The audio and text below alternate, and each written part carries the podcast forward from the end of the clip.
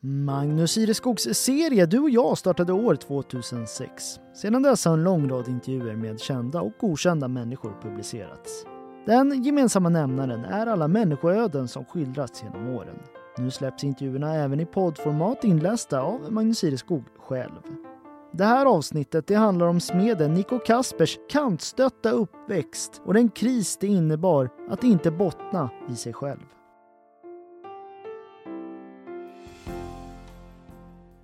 Smeden Nico Kaspers har levt på gatan och i parker. När han slog igenom som hyllad konstnär fick han en kris och återvände till ursprunget. Livet behöver inte vara så himla märkvärdigt, säger han i en intervju från maj 2021. Ja, den där inledningen är hända lite hårt dragen, för visst har det funnits stunder då han levt för dagen, men det är inget som präglat honom i större bemärkelse. Vi återkommer till det i, till parkerna och till gatorna. Mer om honom säger möjligen det där andra, att det inte behöver vara så märkvärdigt. Livet behöver nödvändigtvis inte skrivas med stora bokstäver. Omtanken om andra är ett av hans kännetecken, särskilt barnen, de barn och ungdomar som har det svårt. Alla har rätt att vara barn och ha en barndom. Jag lider med dem som inte har rätt förutsättningar, säger han. Vidunge i Dalhem socken, en dag när solen slösar. Här lever Nico tillsammans med hustrun och konstnären Mosa Hanna och bullterriern Tess. Det är en omplaceringshund, blind på ett öga, social, älskad. En gång hund i hemmet, alltid en hund. Det är så jävligt tufft när man förlorar en hund, så efter den förra tog vi en till. Utanför smedjan ryker det från en bädd av stenkol. Där inne i mörkret brinner en gasoldriven Ersa. Det är där han smider sina konstverk, Nico. Glödgat järn, 1300 grader, en slägga som studsar mot städet, valkiga nävar, en yrkesman i arbete. Det sista du ska vara är imponerad, säger han. Jag har gjort det här i 40 år och det hinner man lära sig. Det vore väl konstigt om jag inte kunde. Det där lågmälda igen. Att lägga sig vinn om att inte framstå som något särskilt. Just den detalj han smider under mitt besök ska bli en flasköppnare. Nyligen producerat det ett konstverk som ska pryda ett andaktsrum i Roma. En svan på flykt, järn och glas i samspel, skapat tillsammans med glaskonstnären Jenny Olofsson i Norrlanda. I smidet hittade han hem, säger han. Aldrig tröttnar han på att forma saker. För honom är järn ett levande material. Vad det handlar om är att flytta metall, moving metal, med hjälp av eld, städ, släggor och tänger. Du ser en flasköppnare, säger han. Jag ser vägen dit. Som smed måste man ligga före i tanken, planera, veta exakt vilken väg man ska gå för att utnyttja materialet bäst. Jag kan bli helt uppslukad. Att smida skapar för mig ett lugn inombords.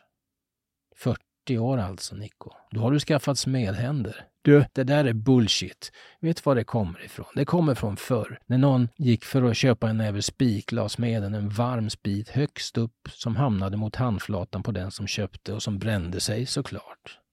Varför gjorde han så? Ja, varför, upprepar han. För att smederna var ena arroganta jävlar. De visste sin status. Som om de rådde över elden, den eld som alla behövde. Vi ska tillbaka till Nikos smedja, den som tidigare låg på Stavagård i Barlingbo men sedan några år är flyttad hem till Dalhem. Vi ska till det första sprakande mötet med hustrun och till den kris som närmast golvade honom, såväl som konstnär som människa. Men först ännu längre bakåt i tiden, till staden Lemmer i Nederländerna. Där, vid landets nordvästra kust, finns hans ursprung. Huset där familjen bodde står kvar någon annan bor där nu. För Nico är allt det där förfluten tid. Idag är staden ett välmående turistcentrum. Då, under uppväxten, var det fattigt och slummigt. Minnena från barndomen och uppväxten är kantstötta.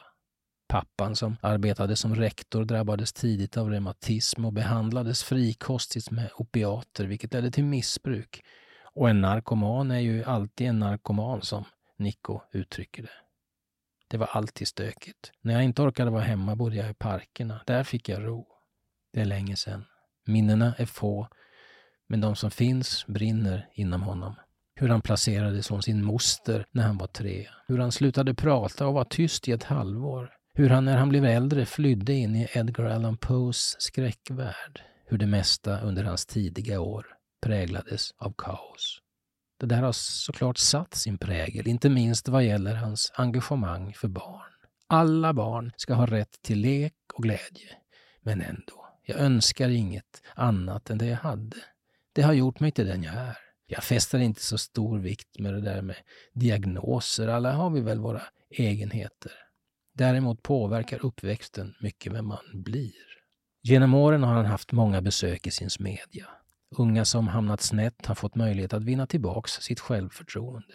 Som arrangör av musikfesten Smerock har han dragit in pengar till neonatalavdelningen på Visby lasarett. Men vad gör det med dig att möta alla de här barnen som har det svårt? Ingenting. Jag kan inte stå och tycka synd om dem. Då sätter jag mig själv i centrum. Man måste kommunicera på samma våglängd, vara rak och ärlig. Barn avslöjar falskhet på en sekund. Men nu skenade historien iväg in i smedjans svärta, så tillbaka till Nederländerna. Nico lämnade så småningom Lemmer för Ermelo in i landet och utbildade sig till mentalskötare. Staden var uppbyggd kring militären och landets äldsta mentalsjukhus. Det var i 20-åren. Allt var möjligt. Världen skulle förändrats genom psykiatri och han skulle ta täten. Du vet ju hur det är, skrattar han. I de där åren finns inga begränsningar. Däremot, och det här kom att förändra i alla fall Nikos liv, däremot fanns en gammal uttjänt ambulans som han och några polare drog iväg med neråt i Europa när han hade ett par veckors ledigt. Ner till eh, Torremolinos på spanska sydkusten. Det var 1979 och där var hon, plötsligt. Måsa-Hanna från Fagersta som sålde sin konst på gatorna. Jag blev dökär direkt. Har du blivit det någon gång? Ja, men jag var tvungen att resa hem redan nästa dag. Jag tänkte, henne ser jag aldrig mer. Men några dagar senare knackade det på min dörr. Då hade hon liftat till mig i Holland. Sen dess är de tillsammans, tre gånger gifta, för att manifestera sin tvåsamhet. Nico sålde allt han ägde och flyttade från Ermelo till Mosahanna i Spanien tog dagen som den kom, levde hippieliv, målade stenar och blåste turister, började tillverka cyklar av stål och här fick den utbildade mentalskötaren för första gången korn på det som med tiden skulle föra honom till en smedja. Mosa-Hanna längtade åter till Sverige och Nico följde med. De bodde i Fagersta en tid, sen Stockholm, där Nico etablerade en återvinningsfirma i Bagarmossen. Han ler när han återvänder till den tiden nattliga rider i återvinningscontainrar. I gamla soffor fanns inte sällan ringar av såväl silver som guld att finna mellan dynorna. Men återvinning låg inte i tiden då recycling, du vet, folk ställde dit gamla cyklar och sånt. Så istället började jag göra om dem till konst. I mitten på 80-talet fick de nog av Stockholm och flyttade till Gotland. Jag vill hälsa på en kompis i Follingbo. Jag hade aldrig varit på ön, men det var precis som Holland. Platt och blåsigt. Så vi flyttade hit, till Dalhem. Tess myser i solen. Mosa-Hanna jobbar inomhus. Nico välter ut en kopp kaffe och berättar om Sture Johansson som blev hans mentor. En lokal, filosofiskt lagd smed som kunde lösa världsfreden med en bit järn. Nico talar om honom i varma ordalag. En hedersman som lotsade honom in i smidandets värld. Det kom att bli ett snabbt och stort genomslag. Kommer du ihåg Blå måne? Det låg vid Munken, ett hantverkscentrum. Där hade jag min första utställning 88, 89 någonting. Jag hade tillverkat en stol av en skorstensplåt. Det skulle han inte gjort. Eller var det precis det han skulle? Ja, jag fick uppdraget att skapa fler stolar och bord till Visby hotell, vilket blev enormt uppmärksammat. Jag fick massor av beröm. Alla hyllade mig. Ulf Lundell skrev om mig i en bok, men jag tyckte bara jag hade gjort skit. Det här håller inte. Han kunde inte se sig själv i spegeln, som man säger. Du fick en kris alltså, var det så? Ja. Jag tror det är bra att ramla på käften ibland och fundera på vem fan man är. Jag förstår om det kan gå fel för någon som slår igenom snabbt med en låt eller vad det kan vara. Man tror man är något, men man är det inte. Man är inte grundad i sig själv. Så Nico backade till hantverkets ursprung slängde ut vinkelslipar och andra moderna verktyg, arbetade istället med städ och ärsa alena, hängav sig uteslutande åt konstsmide. Så gjorde jag i 17 år. Jag var tvungen att landa i det. Det andra höll inte. Det var inte jag. Med tiden tog han åter in moderna maskiner i smedjan, men grunden i hans arbete är det ursprungliga hantverket med anor från hundratals år. Och nu är du trygg med det du gör. Är det så? Absolut. Det finns inget bättre. Jag står här i smedjan, radion på, sjunger. Du får komma hit någon gång, utan intervjublock. Smida lite, ta en pilsner, lyssna på plattor. Van der Graaf generator. Vad säger du? Har du hört dem? Sverige är Nikons hem sedan 40 år, men Holland är alltjämt starkt inom honom. Och starkare och starkare blir det med åren. Uppvuxen som han är i en smältdegel av nationaliteter och trosuppfattningar minns han hur det var att första gången komma till Sverige. Det fanns inga invandrare i Fagersta, bara en massa finnar. Klart folk tyckte man var konstig. Eh, I Holland reagerar ingen på vilken färg en människa har. Det mer tolerant på alla sätt. Tillbakalutat, tillåtande. Mindre stolt är han över hemlandets historia, hur länder kolonialiserats världen över.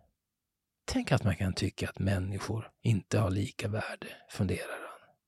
Jo, en del kan, det vet du, nu också. Ja, säger han, det är otäckt det som händer omkring oss nu. Och så berättar han om hur han vid ett tillfälle uppvisningssmidde i Stockholm, precis som han brukar göra på Medeltidsveckan, och omringades av skinnskallar i bomberjacka och tänkte, hur ska jag nu ta mig härifrån? Men då glömde jag hur jag själv såg ut. Svart av sot och med glödgat järn och slägga i handen. De försvann kvickt. han är sällan i Nederländerna nu, men han följer vad som händer i hemlandet. Arvet blir mer tydligt med tiden, men samtidigt är det mer förljuget. Det var verkligen ingen bra uppväxt. Hans föräldrar gick ur tiden tidigt. Mamma var 53, pappa 56. Mamma fick en hjärnblödning på en fest när hon satt med ett fotoalbum och visade bilder på sitt barnbarn, vår son Jonathan. Hon älskade honom. Jag tänker att det var det finaste avslut hon kunde få.